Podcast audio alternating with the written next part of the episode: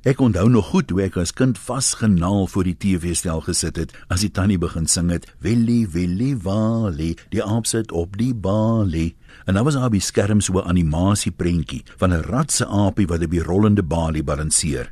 Dit het my so beïndruk dat ek dit ook op 'n vullisdrom probeer doen het, maar ek het so hard op my kop en alie geval dat ek nou nog 'n vrees vir balies het. 'n Paar jaar later op skool wou ek vreeslik graag die aapie in ons konsert wees, maar juffrou het gevoel die rol is meer geskik vir 'n ratse kind. Toe maak sy my liewer 'n boom. Die aapie het nie in my rond geklouter nie, maar 'n bok het wel na my gevreet. Sy naam was Frikkie. My fascinasie met apies het voortgeduur en wanneer ek iewers ry waar daar apies in die bome langs die pad speel, bewonder ek altyd hulle vreeslose akrobatiese toertjies. Ek dink nie ek is die enigste een wat van apies hou nie. Nadat hy in Sonkring gespeel het, is Chris Chameleon gevra wat is die snaakste ding wat 'n lid van die publiek al vir hom gesê het. Toe antwoord hy by 'n tollhek het die vrou in die hokkie vir hom gevra en met bietjie sê: "Kyk die apies ry na." Destyds toe skoolkinders nog nie regte gehad het nie, het onderwysers ons dikwels as ape uitgekry. Dis ook net 'n aap wat so antwoord sal gee.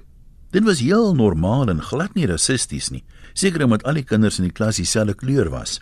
As ek vir my laaitie 'n TM kon koop waarop staan, hy is the coolest monkey in the jungle, dan sou ek. Ek sou vir myself ook een gekoop het as hulle net my size gehad het. Daarom was ek nogal geskok toe ek hoor die EFF beskou dit as so rassisties teenoor swart mense dat die winkels wat wel sulke hempies aanhou geplunder moet word en permanent gesluit moet word. Dit laat my dink aan Eleanor Roosevelt se bekende woorde: Nobody can make you feel inferior without your permission daarmee bedoel sy dat dit nie soseer die woorde is wat iemand sê nie, maar hoe jy daaroor dink wat jou minderwaardig laat voel.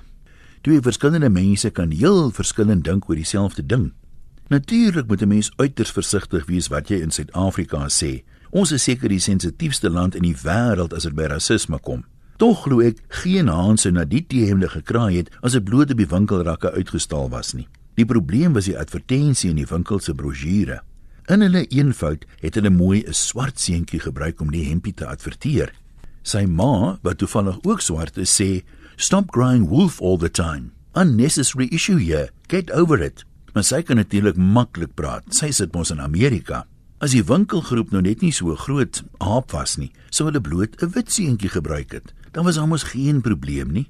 Hoopelik weet hulle volgende keer beter. Die aap is mos nou uit die mou.